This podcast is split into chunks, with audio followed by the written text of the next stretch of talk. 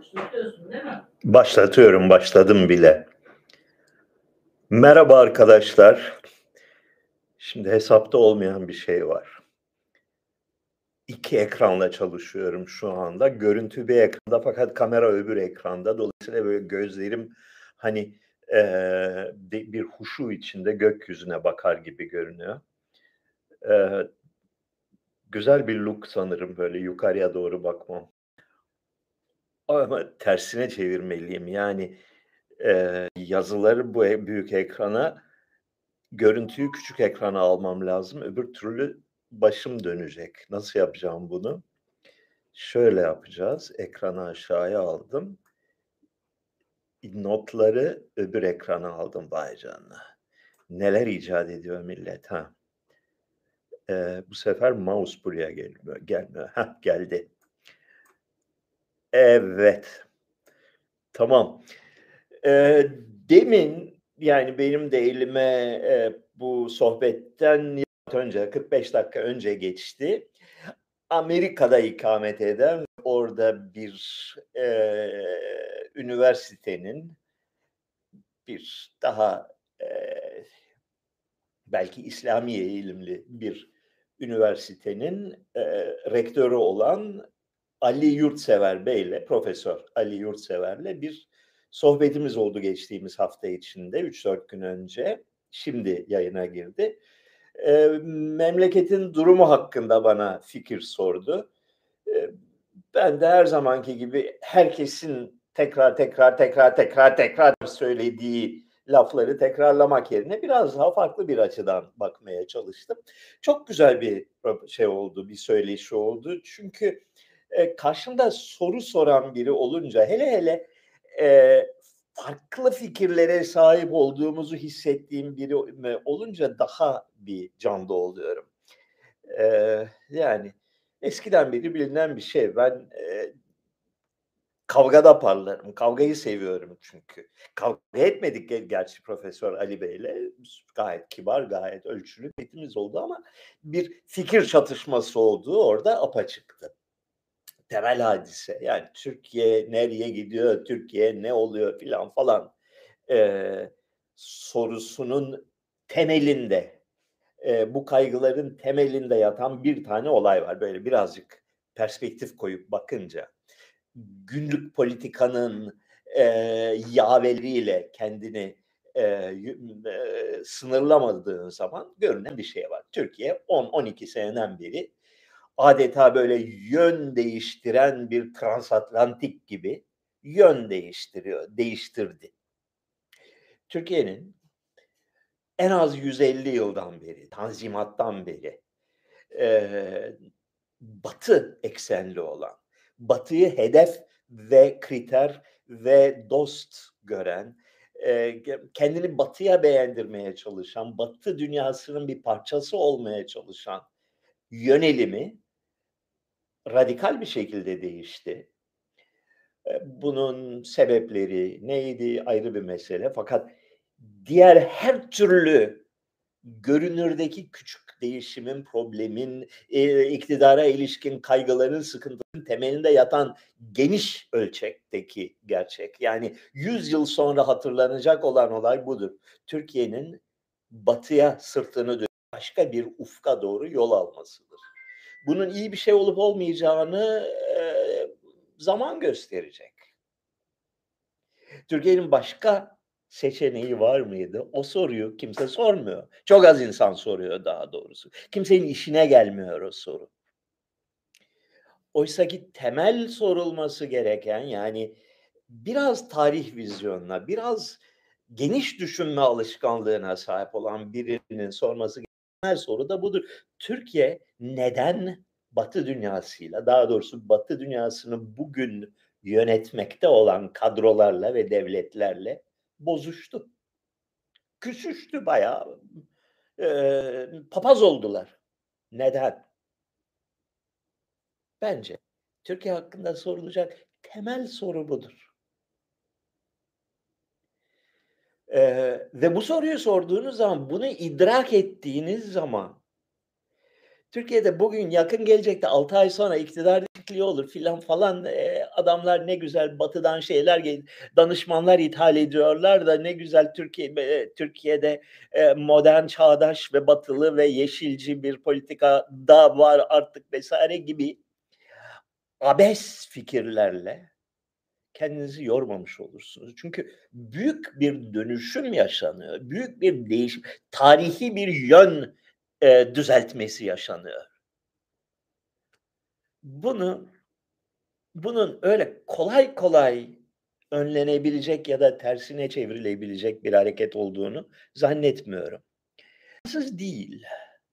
Ama hani 6 ay sonra 6 parti anlaşır da bir tane seçim kazanırlar da ondan sonra Türkiye'nin yönü düzelir. Oh hepimiz rahat ederiz. Yok öyle bir dünya. Olmayacak. Yes. Neden batıya karşısın diyorlar. Herkesin sorduğu bu. Yani e, şey gibi oldun, söyle adını, e, e, Doğu Perinçek gibi oldun da şudur bu. Alakası yok. Bambaşka bir yerden geliyorum ben. Ben radikal bir şekilde batıcıyım. Tüm varlığım, tüm eğitimim, tüm fikir dünyam batı kültürüyle şekillenmiştir. Beni bir, bir, bir gıdım olsun Türkiye ortalamasından farklı kılan şey de budur. Yani şöyle diyeyim size. Jules Verne romanlarıyla büyüdüm de ilk kez ortaokuldayken bir kütüphaneye girip Işık Lisesi kütüphanesine girip ya bu da neymiş deyip oturup baştan sonra okuduğum kitaplar iki tane. Bir Molière'in e, oyunları, iki Voltaire'in e, 14. Louis biyografisi. Üç ciltlik. Oturdum okudum. Sonuna kadar da okudum. Hepsi de aklımdadır hala. Onunla başladım. Batı müziği ile yaşadım. Çok derinlemesine sevdiğim ve hayatımın eksenlerinden birini oluşturan bir şey e, Batı mimarisine, Batı'nın felsefi geleneğine derin bir saygım ve sevgim var. Yani bu böyle 60 senede oluşmuş ve damıtılmış bir e, zihniyet. Bunun bir iki tane sonucu var. Bir, bazen İslam kültürü hakkında, İslam tarihi hakkında sizi şaşırtan bazı şeyler söylüyorum ya.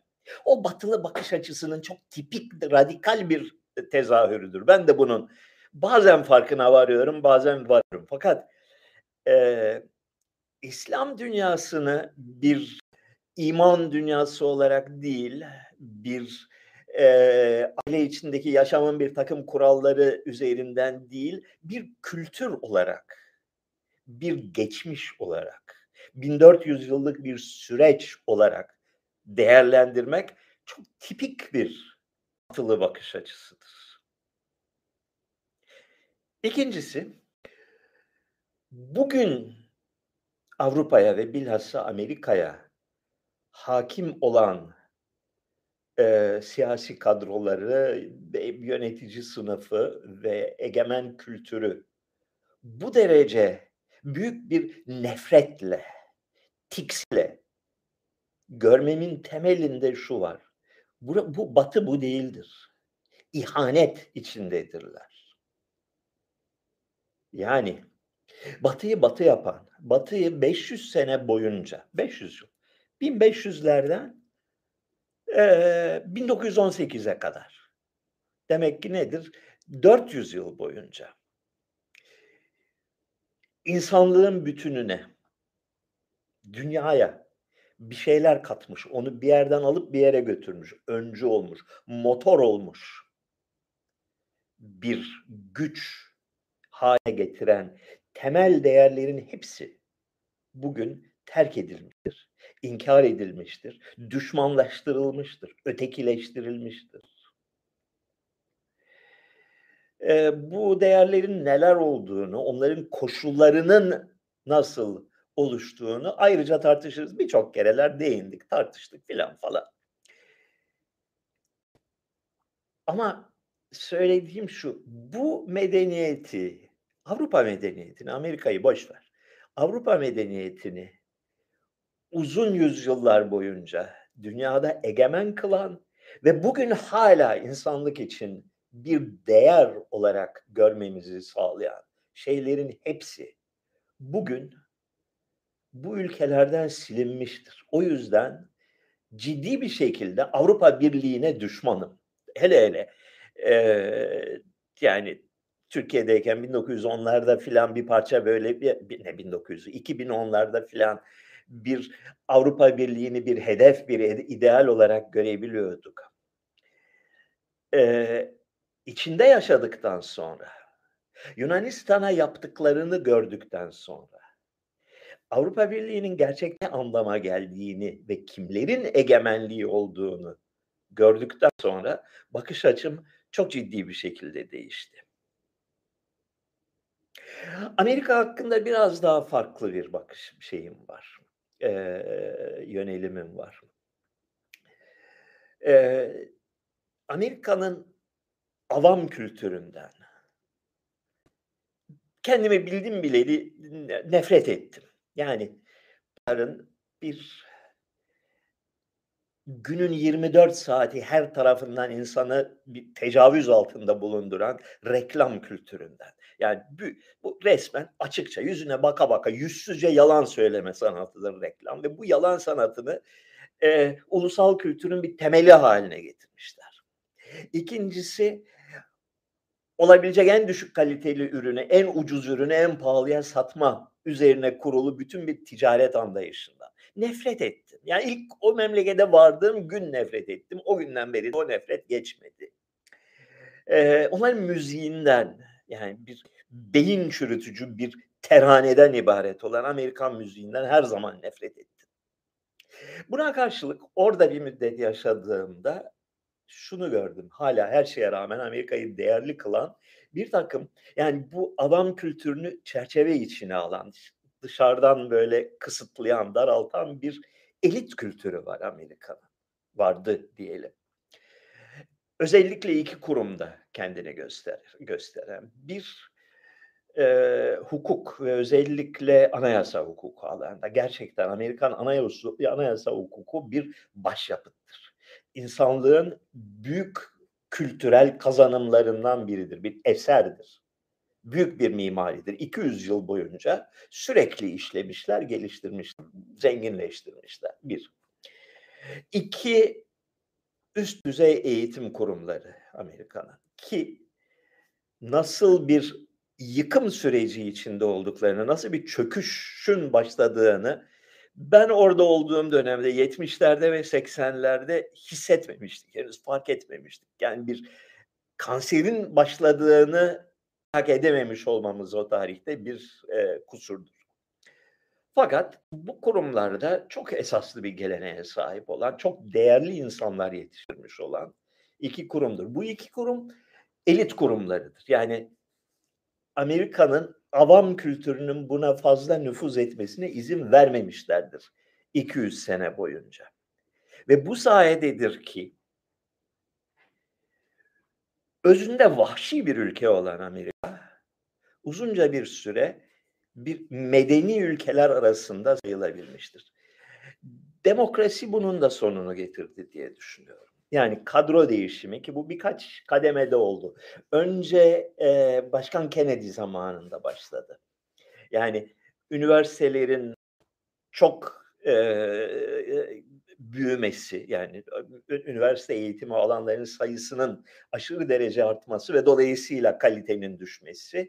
İkincisi federal bürokrasinin büyük bir hızla e, şişmesi, Washington'un ön, önem kazanmasıyla birlikte Kennedy zamanında bir şeyler değişti. Bundan sonra ikinci büyük e, dönüşüm dönemi Clinton zamanıdır. E, 1990'lar. E, Obama zamanını da buna ekleyelim. Adım adım hukuk kurumlarının ve eski usul eğitim kurumlarının kontrol şeyi değişti, sahipleri değişti, yöneticileri değişti, kadroları değişti. Ve bugün geldiğimiz noktada insanlık ancak bir felaket sayılabilecek olan bir zümrenin, bir yönetici kadronun kontrolündedir Amerika ve dolayısıyla Batı Avrupa. Umudumuz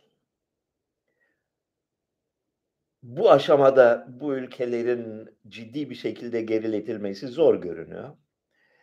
Eee, fakat umudumuz bir çok odaklı dünyanın, merkezli bir dünyanın, global anlamda daha demokratik bir dünyanın, yani teker teker ülkelerin içinde demokratik değil de ülkeler arası dengelerin daha çok odaklı olduğu bir dünyanın belki de önümüzdeki dönemde kurulacak olmasıdır. Ukrayna Savaşı'nı daha doğrusu Ukrayna Savaşı demeyeyim, Ukrayna Savaşı mitiyle Amerika'nın devreye soktuğu eee, çılgınca yani tek kelimeyle delilik niteliğindeki tedbirleri, ambargoları, propaganda savaşını vesaire bir eee, şey olarak eee, bir katalizör olarak görmek mümkün. Yani bu dünyada umduk şeyi desteği bulmadı. Çin gayet net olarak bunun karşısına tavır aldı. Hindistan ki gitgide önemi artan bir eee, ülkedir, bir süper güç olma eğilimindedir.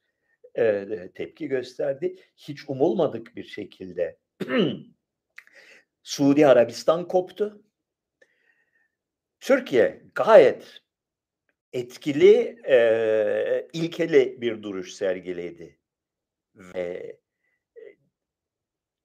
Batı dünyasının, NATO'nun 10 yıllardan beri süren eee, lokomotif etkisine kapılmadı. Umalım ki bunun sonucu eee, zaman içinde eee, daha çok merkezli, daha eee bir ülkenin eee, dediğim didi dedik öttüğüm düdük ben size kadınların erkek olduğunu da kanıtlarım, eee, erkeklerin çocuk doğurduğunu da da söylerim ve bunu kabul etmek zorundasınız diye özetlenebilecek olan, eee, grip hastalığı yüzünden bütün toplumları kapatacağız, bundan böyle her şey yasak, çocuklar maske takacak, okullara da gitmeyecekler de deyip bunu dayatabilen gücün sarsılması tek insanlık için eee, görebildiğim çıkış yolu budur. Milli içkimiz ayranla iktifa ediyoruz bugün.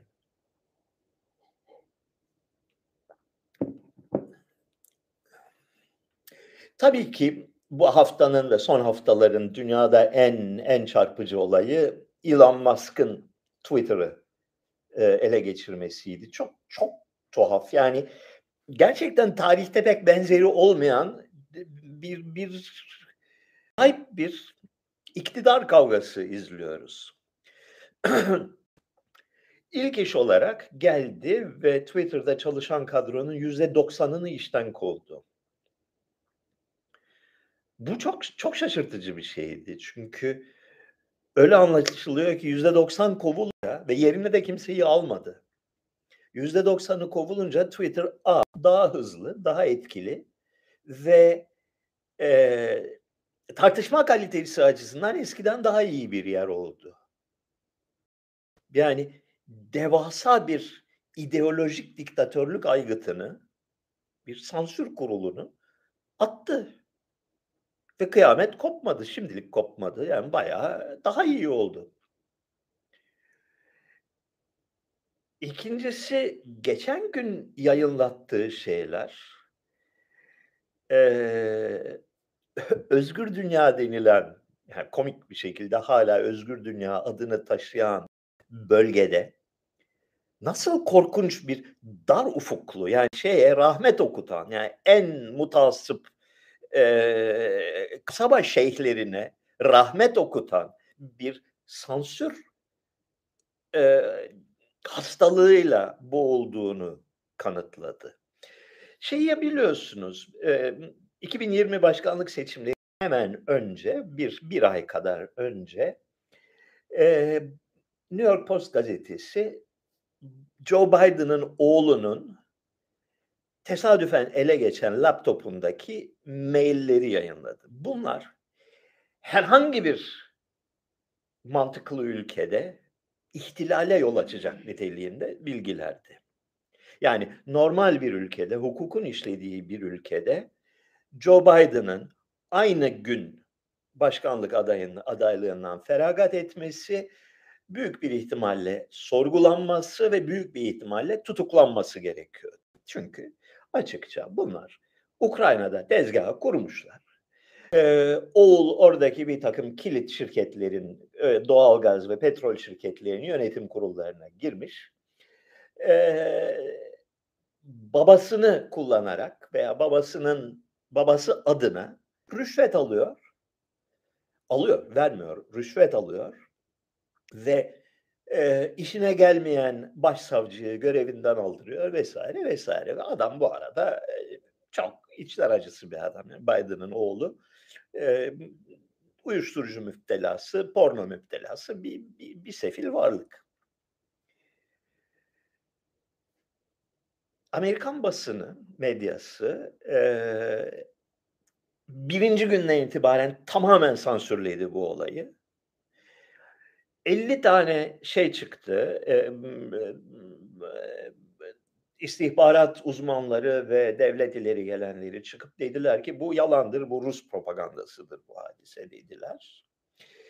Daha çarpıcısı bu konuya değinen her şey sosyal medyadan yasaklandı, Facebook'tan, Google'dan, Google aramalarından yasaklandı, Twitter'dan yasaklandı ve daha da çarpıcısı şimdi o çıkıyor ortaya. Bunun farkına bile varılmamıştı. Ee, direkt mesajlarla ya şahsi mesajlarla bu konudan söz edenler dahi otomatik algoritmalarla yasaklandı. Şimdi bunun bütün arka plandaki yazışmalarını yayınladılar önceki gün. Devrim niteliğinde bir olaydır bu. Baya baya bir devrimdir. Ama bugünün koşullarında, bugünün siyasi dengelerinde herhangi bir sonucu olmayacaktır. Yani mutlak sessizlikle karşılandı. Tek kelimeyle basında haberi çıkmadı. Yani bütün şeyi ben okudum. Yani şu 65 yıllık hayatımda okuduğum en ilginç, en çarpıcı, en beklenmedik siyasi revelasyon ne nasıl denir? Açıklamalardan orta yani şey skandallerden biri var ortada. Sus pus.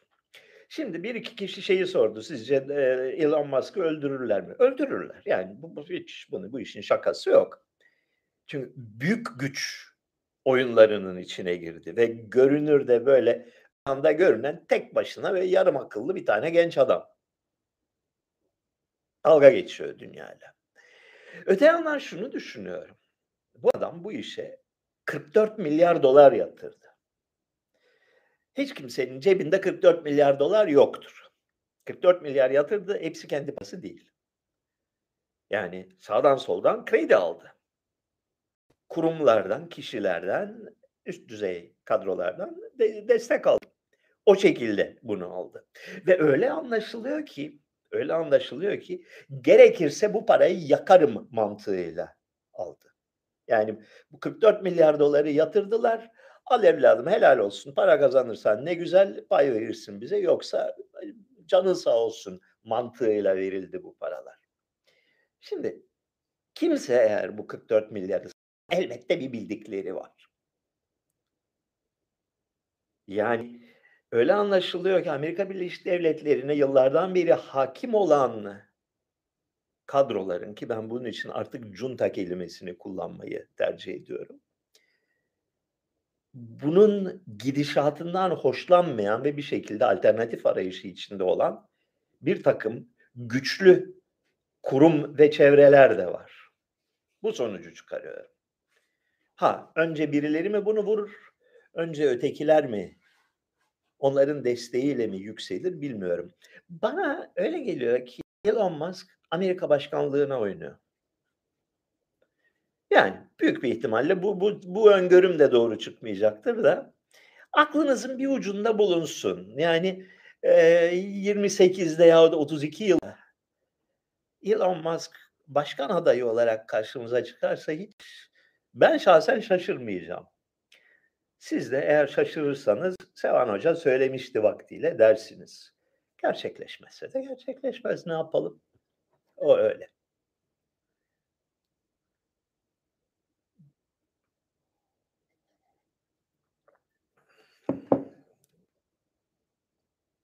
Bakalım başka neler var. Bir geçen hafta bu problemi var ayranında. İnsanın bıyığına, sakalına bulaşıyor. geçen hafta geçen hafta mıydı? Geçen hafta ee, yeni kutsal kitap nasıl yazılır diye bir arkadaş benden yazar danışmanlığın şeyinde bulunmuştu. Verdiğim cevabı hatırlıyorum. Ee, iki tane şeye, yönteme değinmiştim. Birincisi bugün muhtemelen tekrarlanamayacak olan yöntem yazı öncesi dünyasının yani müellif kavramının e, yazar kavramının henüz icat edilmemiş ol, olduğu bir çağın söyle çok farklı bir söylemdir. Kişiler üstü bir söylemdir. Kolektivitenin sesi olarak konuşur. Yani atasözlerinin diliyle konuşur. Bir insanın ben şahsen böyle düşünüyorum şeklindeki bir sözü değil, bir sübjektif bir bakış açısının değil, kuşaklardan süzülmüş bir ortak aklın e, sesidir. O sesi bugün yakalamak çok zor. Yakalayabilen çok yol alır. Ama zor. İkincisi eğer sen bu sesi yakalayamıyorsan dedim. Tercihan ölmüş gitmiş birisi hakkında e, hocamız derdi ki platformunda yazılmış bir menkıbename kaleme alabilirsin. Yani e, biz aciz insanlarız fakat hocamız acizdi. Mürit, e, şeyh uçmaz mürit uçurur stilinde bir eser yazabilirsiniz dedim. Bu iki, o böyle ayaküstü aklıma gelen fikirler bunlar. Bir arkadaş cevap vermiş ve demiş ki yeni peygamberin mutlaka Instagram hesabı olmalı. Bir influencer'dan ya da CEO'dan bir yıllığına online kurs almalı. Bu çağ çekirge istilası cüzzam, gökten ateş vesaire yemez. Onun yerine sağlam bir Armageddon senaryosu yaratılmalı. Kitabın içeriği için olmazsa olmaz öneriler. Negatif ve pozitif olma evrenden iste gelsin vesaire tarzı şeyler. Bir dakika. Şöyle. Sosyal medyada filozofların fotoğraflarıyla birlikte paylaşılan değişlerden yapılan derlemeler. Cinsiyet spektrumu. Tanrı elbette cinsiyetsiz olmalı ve LGBT birey gibi davranmalı. Vegan ve vejeteryanlık öğretisi ısrarla tekrarlanmalı. Kutsal cinsiyet toplumsal cinsiyetten yola çıkarak üzerine en az 2-3 kitaplık bir bölüm olmalı. Ahlaki öğreti önemli elbette. Z kuşağı toplum için bireyi yemez. Birey birey birey içindir. Vesaire. Fırsat peşinde koşmanın 10 altın emri gibi şeyler bulunup yazılmalı. Peygamber prototipi önemli. Kemalistler için Atatürk'ün Çanakkale'den çıkışı gibi bir kıssa mesela çok tutar. Muhammed daha çağdaş bir hale getirilebilir. Her sokağa bir yoga stüdyosu fena fikir değil, çok tutar. Ve olmazsa olmazı kitap illaki pdf olarak download edilebilmeli ve download esnasında muhtemel havarilerin masrafları için araya reklam alınmalı. Demiş bir arkadaş.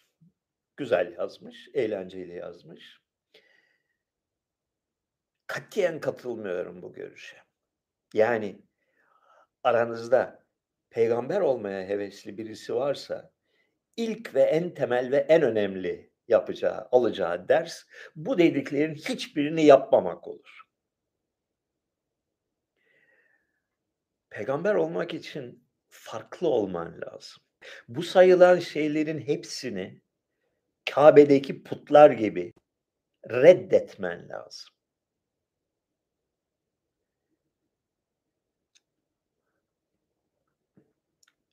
Musa geldi. Gerçekte ne yaptı bilmiyoruz. Fakat en azından insanların inanmak istedikleri şey zengin ve nefeh ve kendi çağına göre son derece hip olan Mısır'ın rahat eee, döşeklerini terk edip çölde 40 sene aç bilaç dolaştı. İsa geldi ilk iş olarak tapınağı bir ticarethaneye çevirmiş olan sarrafların masalarını devirdi. Muhammed geldi. Herkesin eee, iyi kötü saygı duyduğu Kabe'deki putları kırdı teker teker baltayla. Burada sayılanlar işte o putlardır. Bugünün putlarıdır. Onların dilidir. Onların rahatlığıdır. Bu çizgiye, bu eee, dünya görüşüne ve yaşam tarzına ayak uyduran bir insanın peygamber olma şansı yoktur. Milyonlardan biri olur. Bu yaşam tarzını, bu dünyayı sürekli olarak her an yeniden üreten yüz binlerden, milyonlardan biri olur. Belki küçük bir çevrede duyulur. Belki bir eee, neydi Peterson'ın gibi böyle bir birdenbire "U" böyle milyonlarca gencin eee, idolü olur yahut Slavoj Žižek Slavoj Žižek gibi. 2 sene sonra unutulur. Büyük bir şey yapmak için akıntıya ters gitmek gerekir. Ha, %99,5 ihtimalle biçilirsin akıntıya ters yani şelale gelir, parçalanırsın. O geriye kalan yüzde yarım buçuk eee, ihtimal var ki işte büyük peygamberleri çıkaran odur. Peygamber olmak istiyorsanız burada sayılan işlerin, noktaların her birine ama hepsine çünkü çok iyi hazırlanmış bir metin bu. Dikkatle yazılmış. Her bir kalemine ters gitmeniz gerekir. Okay. Bir arkadaş Umberto Eco'yu sormuş bana. Biliyor musunuz Umberto Eco'yu? Gül'ün Adı adlı romanı yazmıştı.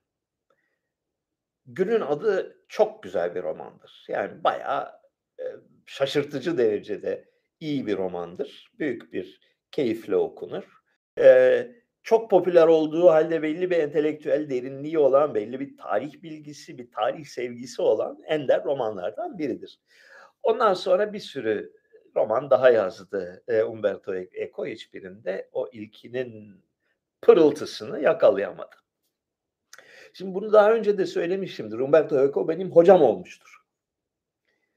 Eee, 1977-78'de bir sömestr 78 ilkbaharında eee, bir sömestr Yale'de misafir hocaydı.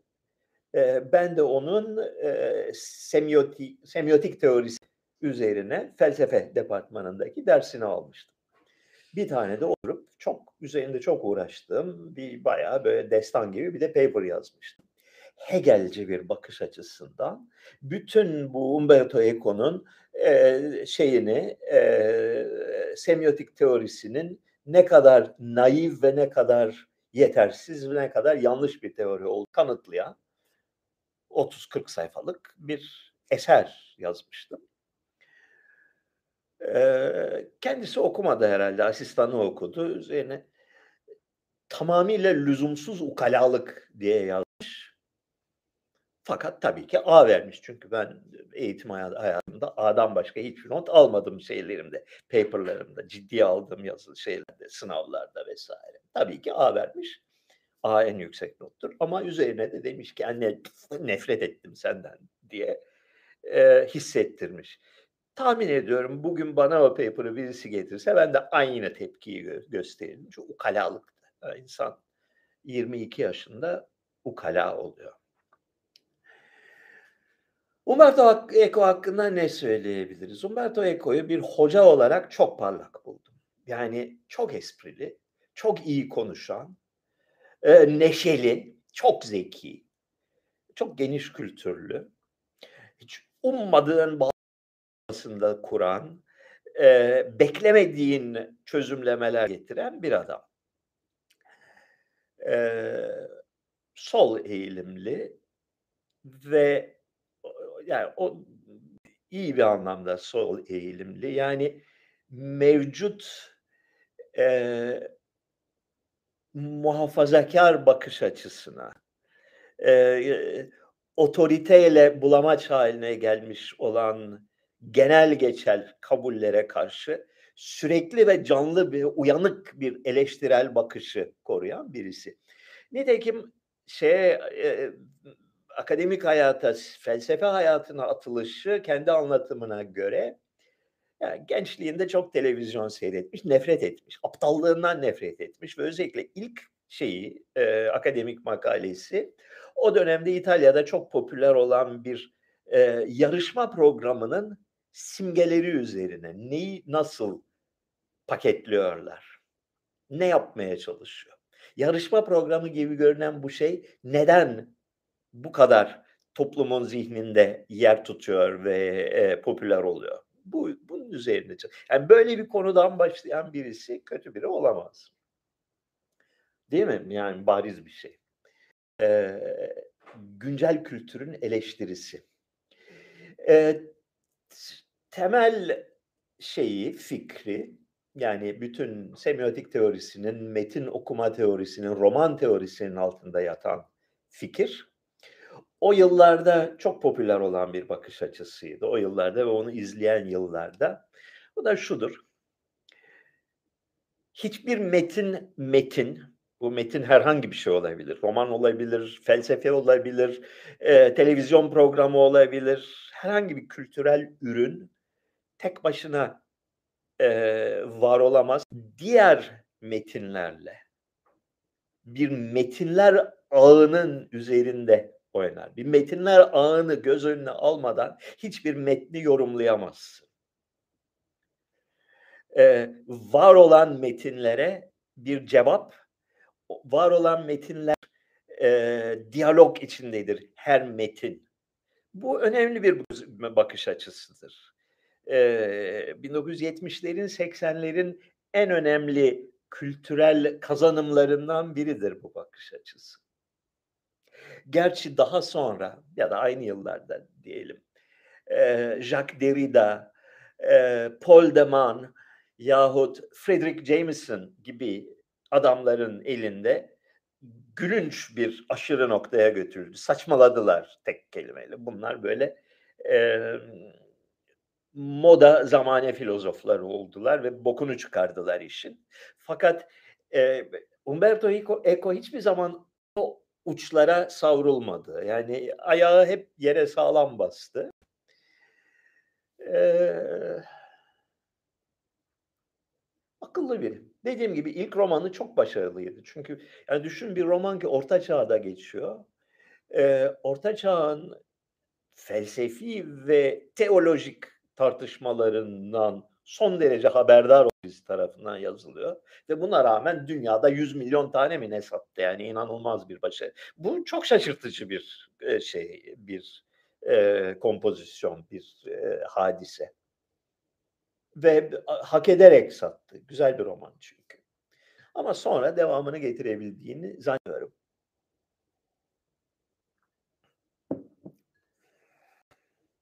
Benim sevdiğim bir başka yazar var. Roger Scruton. Yani bugün moda fikirlerinin hepsine savaş açmış bir egzantrik İngilizdir. Eee, Scruton şeyden hiç hoşlanmıyor Umberto Eco'dan. Eee, hava civa olduğunu düşünüyor. Eee, ş bir sözü vardı şimdi nasıl hatırlayacak mıyım bilmiyorum. Eee, duman salıyor diyor.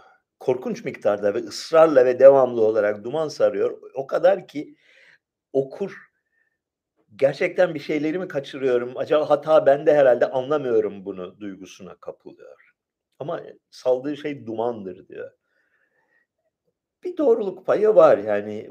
Scruton da yabana atılacak bir eleştirmen değildir ama ben her şeye rağmen Umberto Eco'yu e, sevmeye devam edeceğim. Okey. Menderes'ten söz etmiştim. Dur çok kaykıldım. Bir tarafım ağrıdı oturmaktan ha. Şöyle oturayım daha güzel olsun. Menderes'ten bahsetmiştim. Daha ee, orta yollu bir şeyler söylemiştim zannediyorum. Birisi cevap yazmış demiş demiş ki Menderes'in kim ve ne olduğundan bağımsız olarak bakarsak gördüğümüz manzara partisi hızla ivme ve popülarite kaybediyordu ve toplumda yapılan biçimsiz işlerin gayet farkındaydı.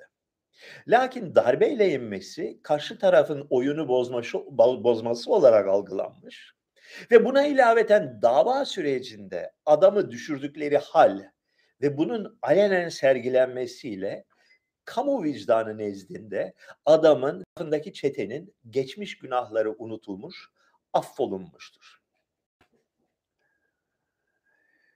Menderes iyi adam romantizmi yapmadan da 60 darbesinin net negatif olduğu gerçeğini görebiliriz.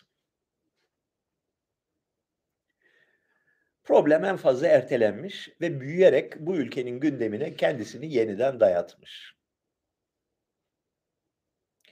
Demokrasi demokrasi sorun çözmek demek değildir.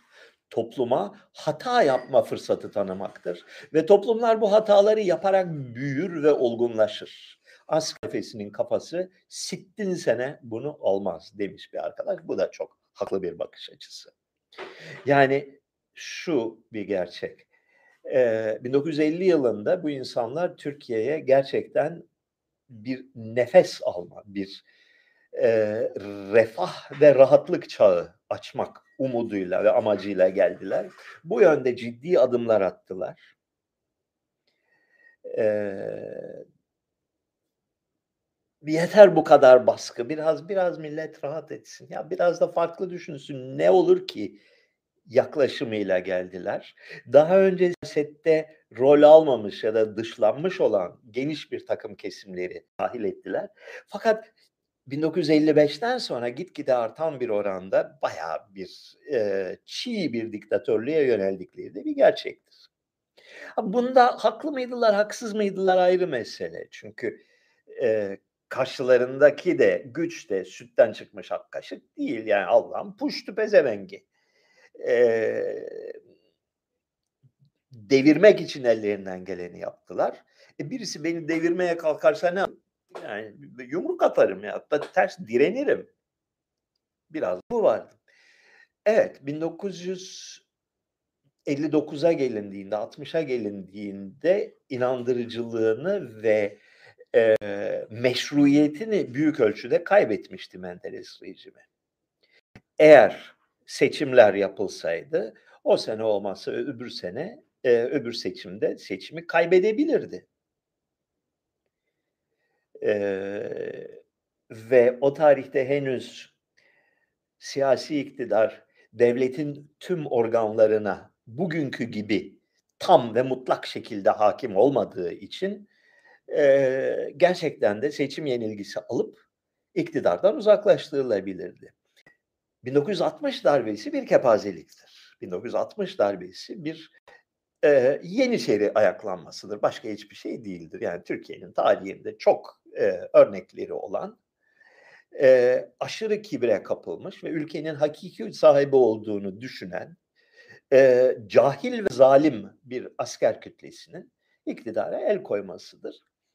Bu ve e, Yassıada duruşmaları çoktan beri yıpranmış olan Menderes'in e, birdenbire aziz mertebesine, mağdur adam durumuna düşmesine yol açmıştır.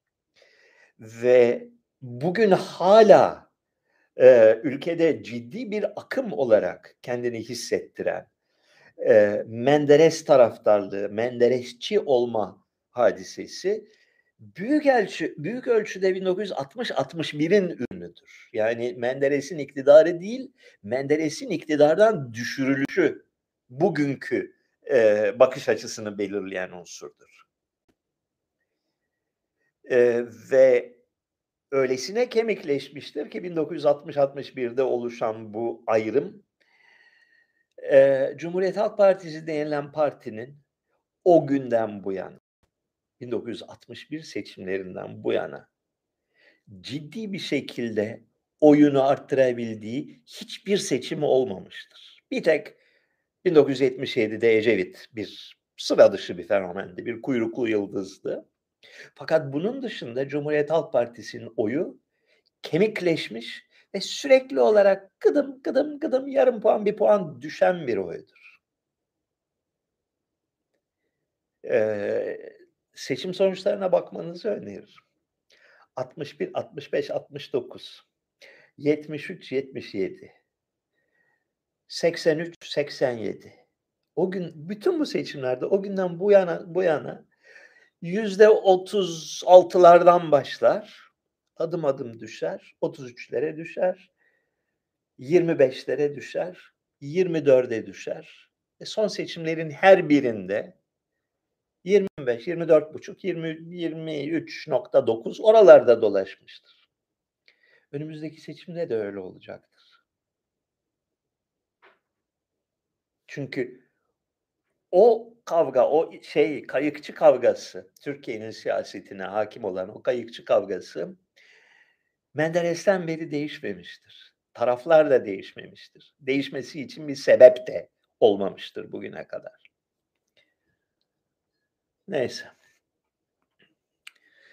Siyasi zihin dünyanızı kirlendiren ana unsurlar hangileridir? Politik şuurunuzu hangi ekollere borçlusunuz? Hangi kitaplar okunmalı?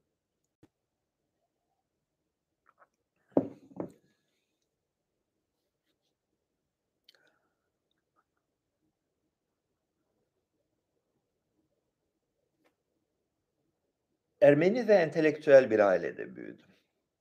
Yani siyasi olan olaylara, olayları yakından takip eden, fikir sahibi olan, fikir söylemekten çekinmeyen, dünya görmüş bir ailede yetiştim. E, bütün çevremizde ve baştan beri bildiğimiz bir şey vardı. Türklerin milliyetçiliği barbarlıktır, başka bir şeyi yoktur, e, anlamı yoktur. E, Türk milliyetçiliği iki yüzlülüktür. Ee, zorbalıktır. Bundan kendini koru diye özetleyebileceğim bir iklimde yetiştim. Üç yaşımdan itibaren. Ee, şüphesiz bu bende yer, et, yer etmiştir. Ondan sonraki deneyimlerimizde de bu kendini tekrar tekrar tekrar tekrar e, doğruladı. Yani 1964'te bütün Rum komşularımızın bir hafta içinde vahşice malları mülklerine el konarak e, yurt dışına e, sürgün edilmelerine tanık olduk. E, 12 Mart rejimine tanık olduk. 12 Eylül rejimine tanık olduk. Ee, Türkiye'nin hiç güvenilir ve medeni bir yönetime sahip olmayacağı fikrini fikri kafamızda yer etti. Bu önemli bir şeydir. Tabii ben ailemden daha radikal bir çizgiye savruldum. Benim kuşağımdaki herkes gibi. Ee, 1968, 69, 70, 71'in olayları e, deniz gezmişler, e, Mahir Çayanlar. E, o yaşta bizde romantik bir devrimcilik arzusu, bir devrimcilik vizyonu oluşturdu. E, bunlarla işte böyle mücadele edilir şeklinde özetleyebileceğim. Naif bir e, duygusallığa kapıldık. Yani benim hayatımdaki önemli şeylerden biri e, Bizot bir 1971 yılında bir gün bir aile yemeğindeyiz. Bütün ailenin dostları falan böyle 10-12 kişi vardı sofrada diye hatırlıyorum. Millet eğleniyor, coşuyor falan falan. O gün Mahir Çayan ve 10 arkadaşı Kızıltepe'de öldürülmüş. Kızıltepe miydi? Kızıltepe. Kızıl Kızıl neydi? Kızıl bir şey köyünde. O gün büyük bir infiale kapıldım. Büyük bir tepkiye kapıldım. 15 yaşındayım o tarihte. Ve kalktım bir nutuk çektim. Abi siz siz ahlaksızsınız, utanmazsınız. Böyle bir günde eğlenilir mi diye. Ee, şimdi e, bütün amcalar, dayılar, enişteler filan falan Sevan tamam sakin ol Sevan. Problem olan işte gençsin sen. Ee, davranışı içine girdi de bu, bu bir şeydir bende e, bir dönüm noktasıdır. İnsanın kişiliğini şekillendiren anlardan biridir. Sonra zamanla daha daha çok yönlü düşünebilme imkanını buldum da o temel bakış açısı bende değişmemiştir. Ee, daha sonraki siyasete her zaman çok ciddi, yakından ilgi duydum. Ee, her düzeydeki insanla rahat konuşabilmek gibi bir avantajım ve kanım vardı e,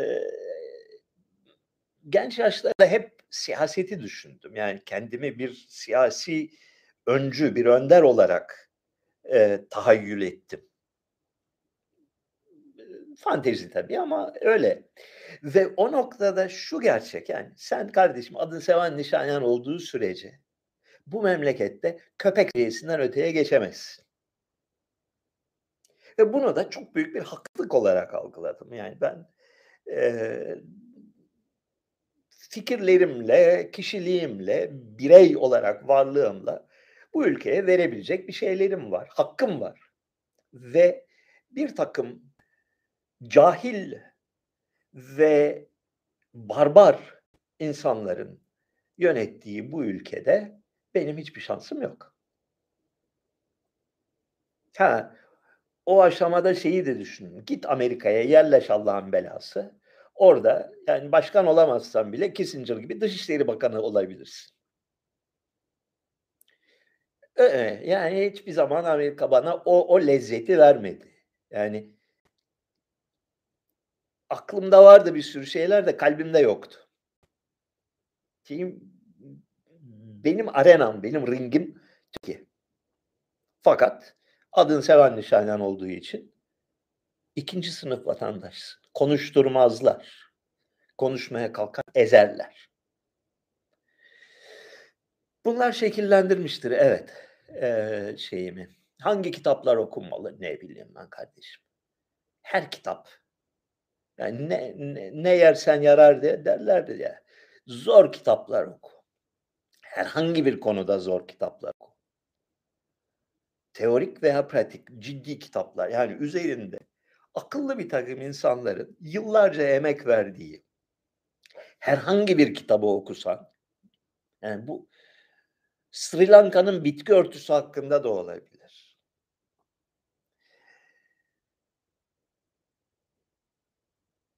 Eski Roma'da süvari sınıfının ekonomik durumu hakkında da olabilir. 14. Louis'nin maliye politikası hakkında da olabilir. Yeter ki esaslı bir kitap olsun. Yani e, e, ne derler e, iş olsun torba olsun mantığıyla üretilmemiş. Üzerinde emek harcanmış olan bir kitabı okuduğun zaman istifade edersin. Çok şey öğretir sana. Evet. Sri Lanka'nın bitki örtüsü hakkındaki kitap da sana örtüsü dışında da birçok şey öğretir. İyi bir kitap nasıl yazılır? İyi nasıl düşünülür? Emek nelere kadirdir? Bunları öğretir sana. Temel bakış açın yani e, dünyadaki duruş yerin kitaplarla oluşmaz. Başka bir yerden oluşur. Ya doğuştan gelmedir ya da ilk küçük yaşlarında oluşur onlar. Ama bunun içini doldurmak için, bunun e, zenginleştirmek ve haşirmek için iyi kitaplar okumanın sayısız faydası olduğunu düşünüyorum. İyi kitaplar okumak, kaliteli insanlarla tanışmak ve onlarla sohbet etmek ve e, ciddi bir işe, ciddi bir göreve vaktini, emeğini, kalbini, aklını, her şeyin, zamanını, sağlığını adamak. Herhangi bir şey olabilir bu. Deli bir proje de olabilir. Batan gemiyi yüzdürmek de olabilir. Ama buna eee, bir seneni, iki seneni, beş seneni veriyorsan ve bir canla başla verebiliyorsan adam olursun. Büyürsün.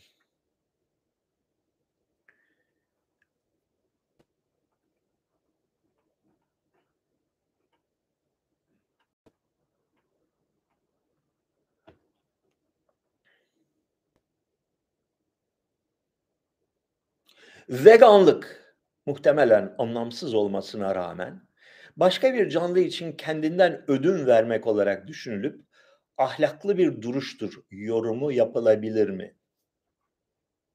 Yapılabilir elbette yani birisi böyle yorumlamak istiyorsa yorumlanabilir. Eee, gerçek anlamda ahlaklı bir duruş değildir. Çünkü eee ettiğin yahut da şey yaptığını, kaygılandığını düşündüğün, iddia ettiğin varlıklara hiçbir faydan yok.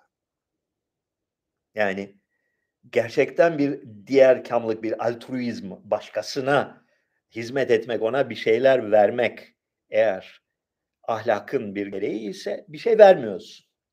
Hiçbir şey, hiçbir faydan yok. Eee, daha ziyade diğer insanlar karşısında ahlaklıymış gibi durma, eee, gösterisi olarak değerlendiriyorum ben hadiseyi. Eee, bak görüyor musun ne kadar, eee, düşünceli ve şeyim, eee, hassasım. Bu. Eee, işin içinde bir de şey var. Yani öteden beri muhtemelen biyolojik nedenlerle, eee, yani çok bariz bir, eee, şey, cinsler arası ayrım var. Kadınların birçoğu erkekler gibi etten hoşlanmaz, et yemekten. Eee, pek çoğu, hepsi demiyorum yani büyük bir genelleme yapmayalım ama, eee, hayatta tanıdığımız kadınların büyükçe bir kısmı, eee, belki yarısı eee, kanlı kanlı bir biftek yemekten hoşlanmaz. Eee, er erkeklerden daha az et yerler. Bütün bu veganlık işinde ben biraz da son çağların genel trendi doğrultusunda kadın milletine yaranma arzusunu görüyorum. Eee, buyurun taşlar geliyor mu? Atıyorlar mı taşları bakayım ben kafamı koruyayım bari.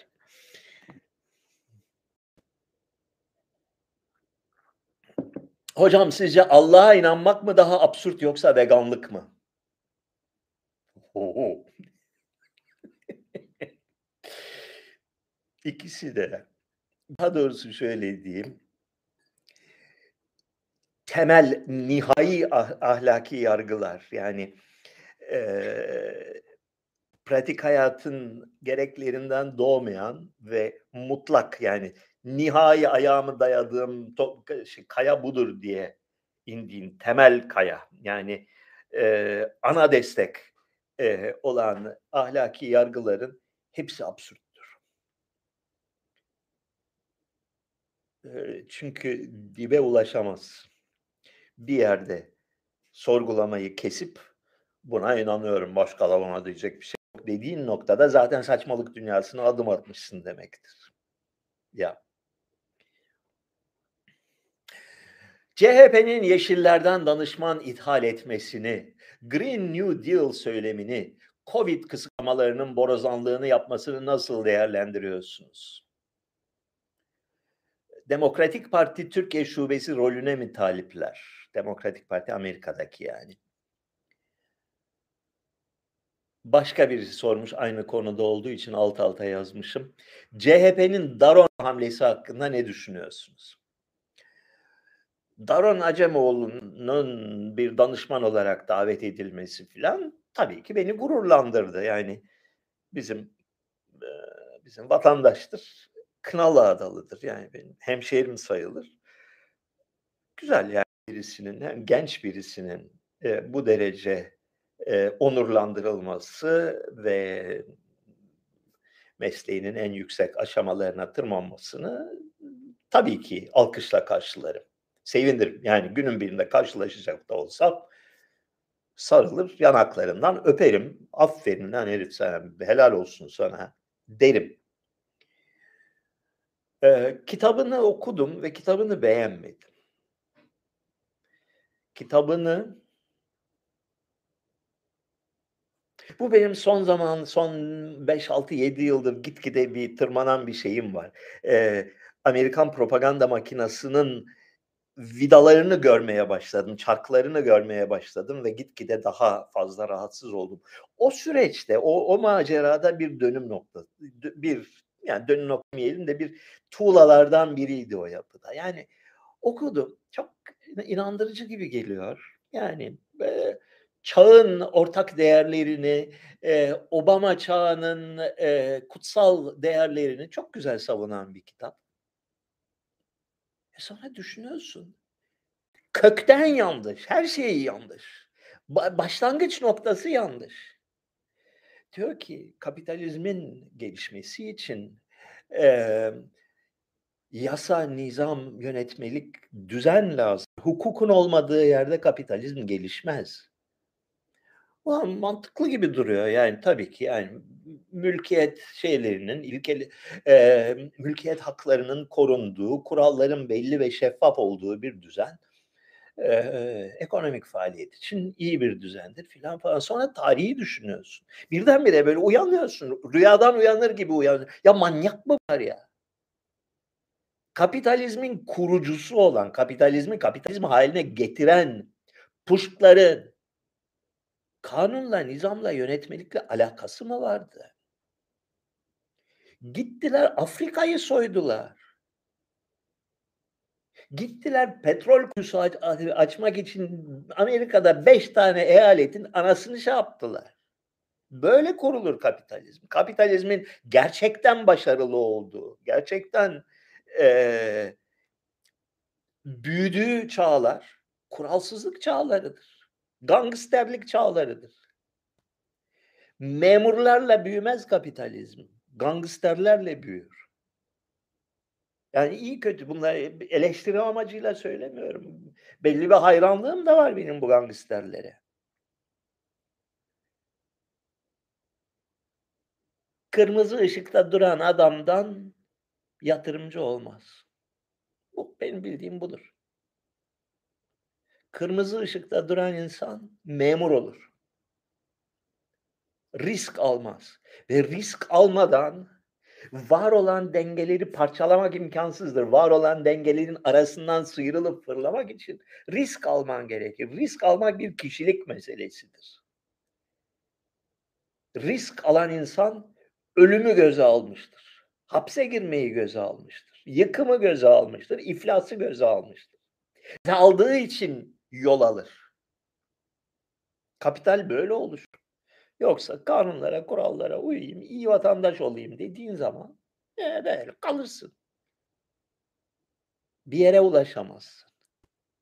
Ha bugünün dünyasında son 20 20 yılın dünyasında öylesine büyük servetler, öylesine gevşek paralar oluştu ki, öylesine milyarlar böyle saçılabiliyor ki büyük kapitalist işletmelerin hepsi kadroyu memurlarla doldurdu. Evladım senin ağzın iyi iyi laf yapıyor. Gel sana al al ayda $1.000.000 maaş. Evladım sen Harvard'dan mı mezun oldun? Al gel $2.000.000 maaş şeklinde bir kültür oluştu. Yani ortada o kadar çok yüzen gezen para var ki hiçbir kişiliği olmayan takım küçük memurlar paraya ve servete kavuştular. Yani aktıkça geldi, damladı. Ve bu insanlar, yani bu 2'nci kadrolar yeni çağın yönetici kadro sını sınıfı olan küçük insanlar. Yani bence Kanada Başbakanı Justin Trudeau bu tipolojinin tanrısıdır, bir şeyidir, onun ikonudur. Bu insanlar Eee Zannettiler ki bak ne güzel ben kurallara uyuyorum. Eee, hiçbir parlak bir davranışım hayatımda hiç olmadı. Hep masamda düzgün bir şekilde çalışıyorum. Eee, sabahleyin sporumu yapıyorum. Kız arkadaşım da var. Demek ki bu yöntemlerle ben bak ne kadar başarılıyım. Benim babam işçiydi. Ben, eee, New York'ta pahalı bir dubleks dairede oturuyorum. Demek ki kapitalizmin şartı neymiş? Kurallara uymakmış. Bu, bu yani D Davran Acemoğlu'nun teorisi bu. Yapma ya. Anadolu'daki ırmakların isimleri Yunan tanrılarından mı geliyor? Yok. Bir tane de bile bilmiyorum. Ya manyak mı bu insanlar? Niye tanrı adı versin ki ırmaklara? Eee, Anadolu'daki, eee, ırmakların, eski ırmakların birçoğunun adı Yunanlara daha önceki Anadolu dillerinden mirastır. Yani Menderes, Meyandros, eee, Kızılırmak'ın adı olan Halis ve buna benzer Sa Sakarya Irmağı'nın adı Sagaryos. Vs. vs. bunlar Yunanca'da anlamı olmayan isimler. Daha önceki kültürlerden alınmış ve anlamı bilinmeyen, eee, eserler, eee, isimler ve Yunan, eski Yunan'ın tipik şeyi, eee kültürel diyelim, bir şeyi bilmiyorlarsa eğer mutlaka bir mitolojik hikâye uydururlar. İşte vaktiyle bir Sangaryos adlı bir bir peri vardı da bunu işte tanrı bir gün yolda geçerken ona dedi ki filan falan ve bundan bir ırmak, bir bir pınar çıktı gibisinden bir hikâyeyle rasyonalize ederler. Bu yüzden bu ırmak adlarının hepsinin de birtakım mitolojik açıklamaları vardır. Tıraştır. Çünkü bütün kültürlerde, dünyanın her yerinde, eee, ırmakların adı nihai köküne kadar inersen ya sarı sudur, ya kara sudur, ya kızıl sudur ya da işte yukarı ya ya, eee, akar işte ne bileyim akar deredir ya da tuzlu deredir. Budur. Ama mesela acayip bir dilde bunu söylersin. Eee, Türkçedeki tuzlu dere olur. Eee, Japonca Tuzling Dongding. Eee, ondan sonra da tanrı Tuzling Dongding'in şeyidir, eee, idrarıdır bu ırmak diye bir hikâye uydurursun. Olay bu.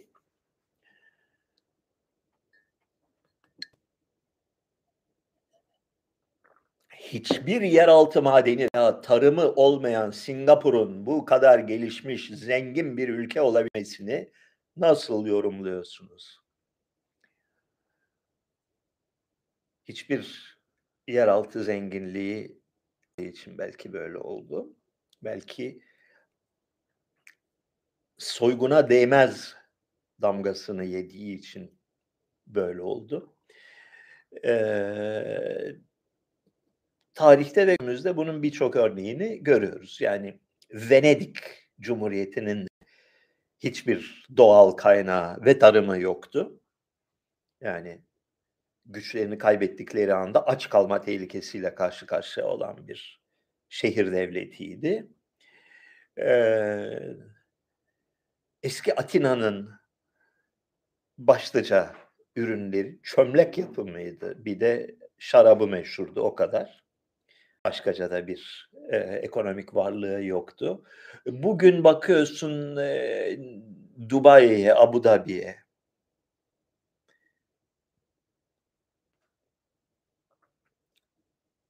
yıkıma uğramadan önceki Lübnan'a Eee, başka aklımıza gel Hong Kong bir zamanlar Çin'e katılmadan önceki zamanda. Bunların hepsi şehir devleti. Eee, neden başarılı oldukları belli. Ticaretten kazandılar. Yani şehir devletleri başka ülkelerin ürünleri arasında, alıcısıyla satıcısı arasında aracılık yapmakla zenginleşirler.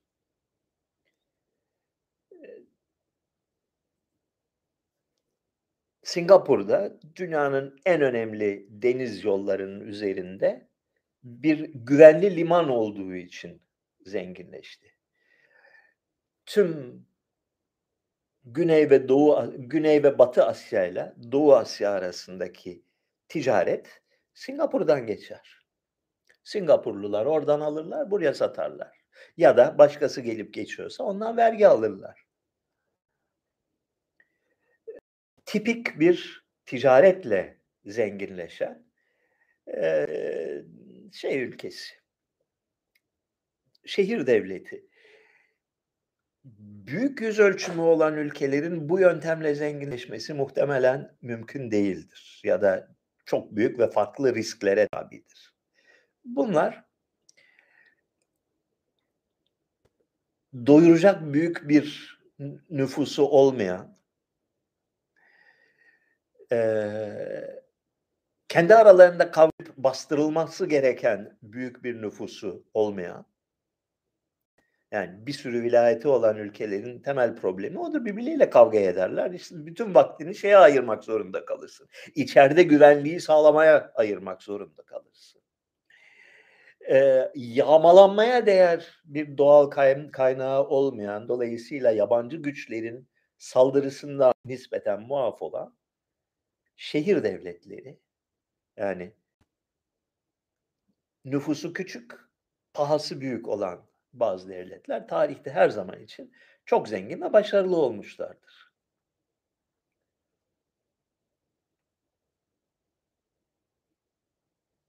Bu modeli genelleştirmek mümkün müdür? Yani atıyorum bir devleti, al bir devleti, böyle yollar üzerinde olsun bir yerde mesela Türkiye gibi bir devleti al. Kasap satırıyla bölüm bölüm bölüm parçala, her birini birer ticaret limanı yap. Al hep beraber zenginleşelim modeli işler mi? Zan zannetmiyorum işleyeceğini.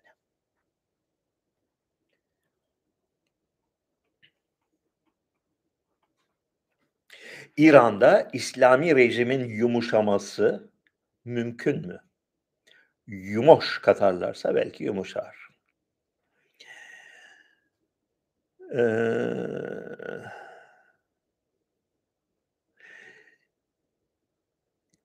çağın değişmesiyle karşı karşıya kalan despotik rejimler, despotik demeyelim, belli bir ideolojik çizgisi ve kuvvetli gelenekleri olan dünyanın akıntısına karşı duran bir rejim. Çağ değişimiyle karşılaştığında, yani kendi toplumu başka yönlere gitmeye başladığında hangi yöntemi izler? Geçen gün bir arkadaşla bu konuyu uzun uzun tartıştık. Yani o Katolik kilisesi bağlamında konuya değindi. Katolik kilisesinin 1960'lı yıllarda büyük bir reform değiştiğini, reformdan geçtiğini biliyoruz 1960'lar. Bir dizi radikal reformdan geçti, modernize etti kendini, çağdaş dünyaya ayak uydurdu. Daha önce son derece muhafazakar bir yapı olan Katolik Kilisesi 1960'larda bu gidişle biz başa çıkamayacağız. Dünya değişiyor. Dünya başka bir yere gidiyor, modernleşiyor. Biz de modernleşmek zorundayız gibisinden bir adım attı. Ve bunun sonucu tam bir felaket oldu. Bitti. Katolik Kilisesi bitti. 2000 senelik koskoca tekne battal oldu. Yan yattı. Dolayısıyla dedi bu arkadaşım, bu yöntem yöntem değildir. Yani direnebilen kazanır. Rüzgarlar sert esmeye başladığı zaman sağlam durmak gerekir. Ben de bunun üzerine her zaman ben ters görüşü savunurum ve tam zıttını e, kanıtlayan bir sürü örnek. Yani e, son Rusya çarı 2. Nikola öyle diyordu. Sonu hiç iyi olmadı mesela. Bu temel bir ikilemdir. Yani değişim rüzgarları esmeye başladığında insanların iki tane seçeneği vardır. Ya direneceksin. Diyeceksin ki bu geçici bir rüzgardır. Biz ne fırtınalar atlatmışız bunu da atlatırız diyeceksin ve sertleşeceksin. İkinci yöntem e çağ gerektiriyor. Ne yapalım? Biz de ufaktan değişelim. Ama değişirken kimliğimizi kaybetmeyelim.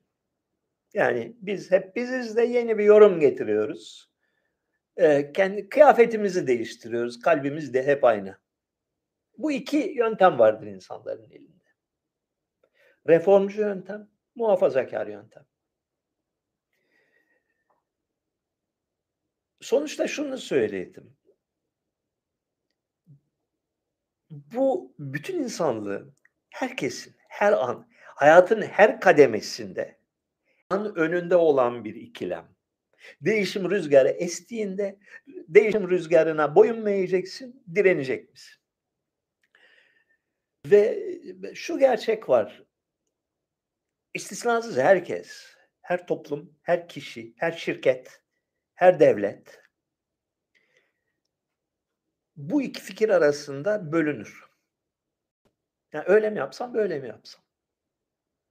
Ya bu yöne gider ya bu yöne gider. Demek ki her ikisi de geçerli yöntemlerdir ve cevabını, genel geçer bir cevabını vermek mümkün değil. Ya direneceksin ya boyun eğeceksin. Hangisi? İran'daki rejim hangisini yapar? Yazı tura atalım bence. En doğrusu odur.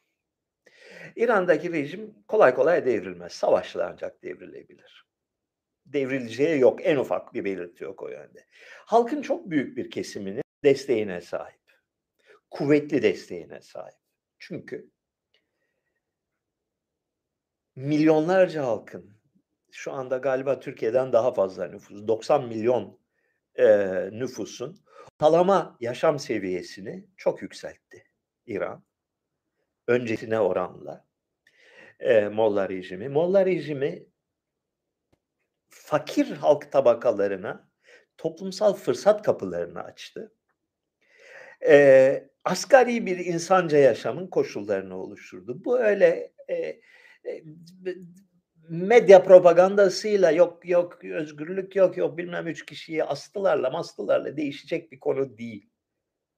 Sokaktaki insan, köydeki insan için İran rejimi Allah'ın onlara verdiği bir hediyeydi. Öte yandan şu da bir gerçek. Okumuş olan kesim, biraz dünyadan haber, haberdar olan kesim, yaşam tarzına ilişkin e, baskılardan, kısıtlamalardan çok bunalmış halde. Gerçekten çok bunalmış halde. Bu devirde hala toplumun her kademesinde zorla bir kadınlara başörtüsü, böyle çuval gibi kıyafetler vesaire dayatılmasının iler tutar bir tarafı yok. Savunulacak bir tarafı yok. Ee, aşağı kademeler memnun fakat yükselme hırsı olan kesimlerde yani büyük yatırım yapmayı, e, köyünde, kasabasında vida fabrikası kurmayı düşünen, yükselme arzusunda, üst şey tavanı böyle zorlayan e, kesimler Molla oligarşisinin egemenliğinden çok rahatsız. Bu biraz şeyi andırıyor. E, komünist rejimin son yıllarında siyasi şeyin e, Komünist Partisi'nin, Bolşevik Partisi'nin, Sovyetler Birliği Komünist Partisi'nin halk nazarında edindiği yeter artık duygusunu andırıyor. Hayır, İran rejiminin gidici olduğunu zannetmiyorum. Bir takım şeyleri yumuşatabilirler mi? Yumuşatmaları gerekiyor. Bir kuşak değişimi gerekiyor. Baştaki adam Ayetullah Hamenei çok uzun süre başta kaldı. Yani e, artık eskidi, artık çürüdü. Yani nüfus ortalaması, yaş ortalaması 25 olan bir ülke 90 yaşına gelmiş ne böyle beyaz sakallı bir adamın hala her şeye karar vermesi kaldırılabilecek bir durum değil. Ee, buna karşılık bu konuda yaratılan uluslararası igara hele hele şu e, Ukrayna Savaşı günlerinde sefer diye düşünüyorum. Yani yumuşa, yumuşayacağı varsa bile yumuşayamaz. E, kendi haline bırakılsa ve Ali Hamene'in ölümü beklense belki kendiliğinden oluşacak bir bölümü zorlamaya çalışmanın ben bir fazla anlayanını göremiyorum. Doğrusunu isterseniz.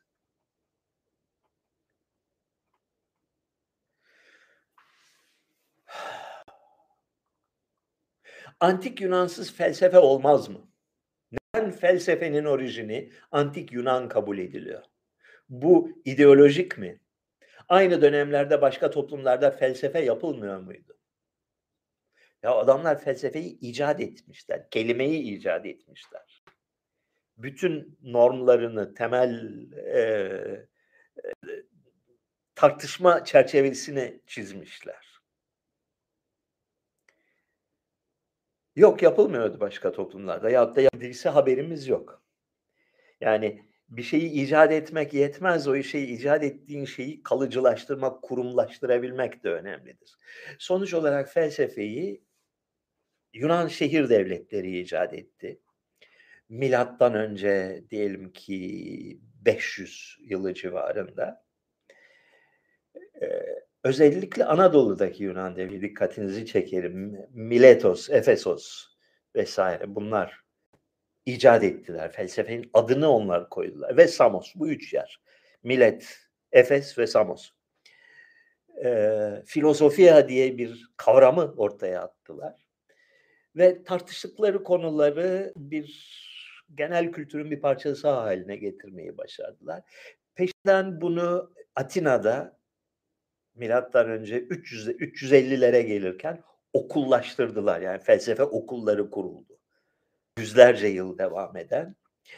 E, peşinden oluşan büyük literatür, felsefe de bilim literatürü e, tarihte ilk kez İskenderiye'de yine Yunan dil ortamında e, kodifiye edildi, toplandı, e, bir bilgi hazinesine dönüştürüldü.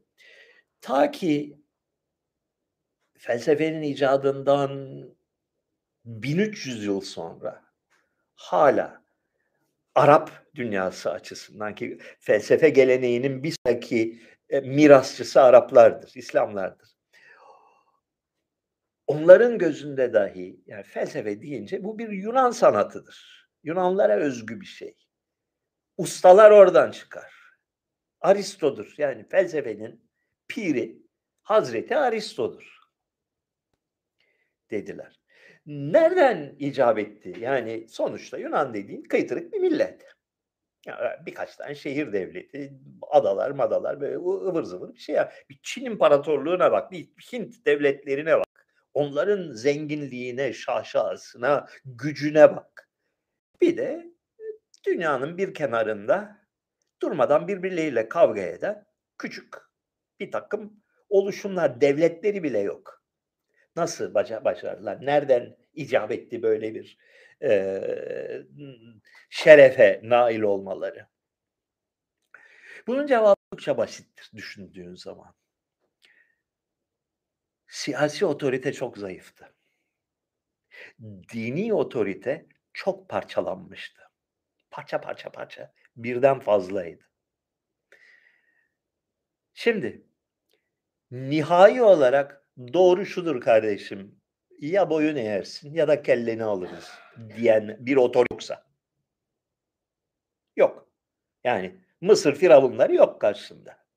Mısır firavunlarına sabahtan akşama kadar ibadet eden ve onların fikirlerinin ve onların inançlarının en doğru olduğunu ispatlamak için hayatlarını ve kariyerlerini veren bir rahipler sınıfı da yok.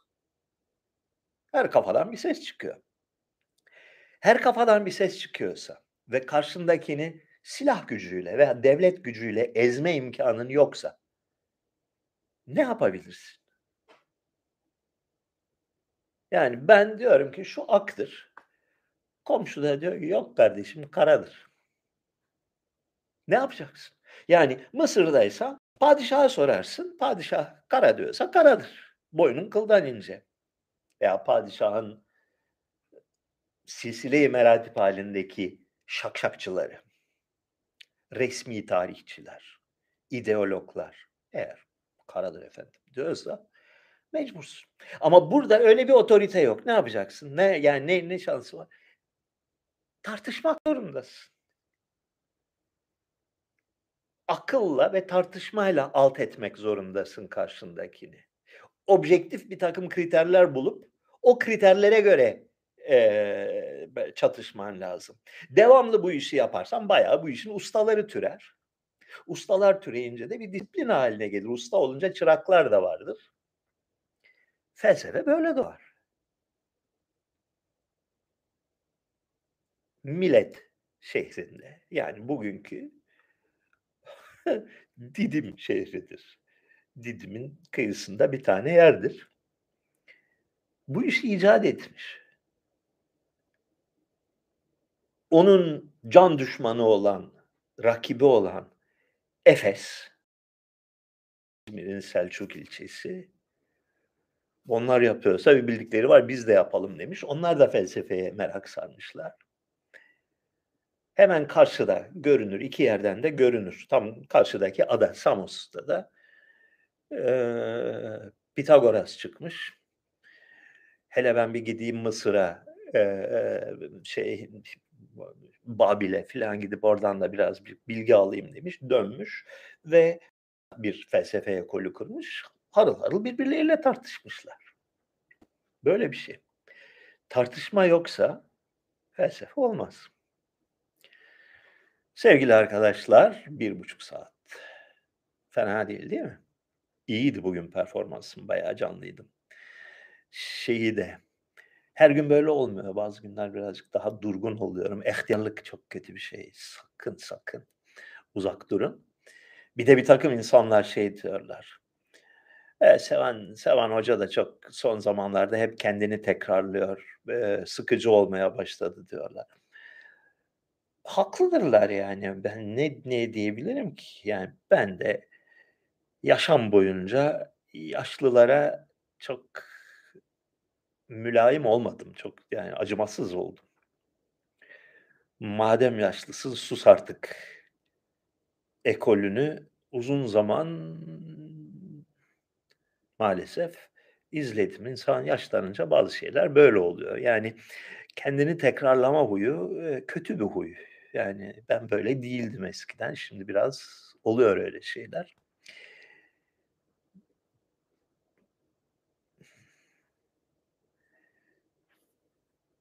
Yeni ve taze sözler keşfetme arzusunu da kaybediyor insan bir noktada.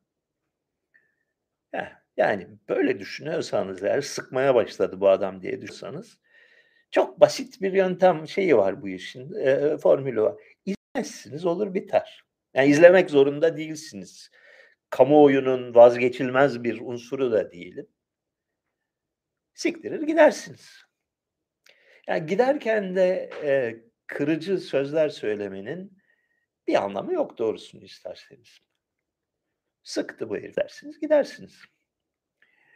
Eğer öyle düşünmüyorsanız sıkmıyor. Bayağı da bir şeyler öğreniyoruz. Hem de eğlenceli bir adam diye düşünüyorsanız eğer pamuk elleri cebe atarsınız. Bu eğlenceli adamı biraz geçindirmek için Patreon'a gidersiniz. Patreon'a ayda artık 3 dolar mı olur, 5 dolar mı olur ya bunun Türk lirası karşılığı neyse o kadar mı olur? Bir katkıda bulunursunuz. www.patreon.com bölü Nisanyan. Hadi Allah'a ısmarladık. Dur. Mouse öbür ekranda olduğu için şimdi böyle gelmemiz lazım. Tamam. Tamam.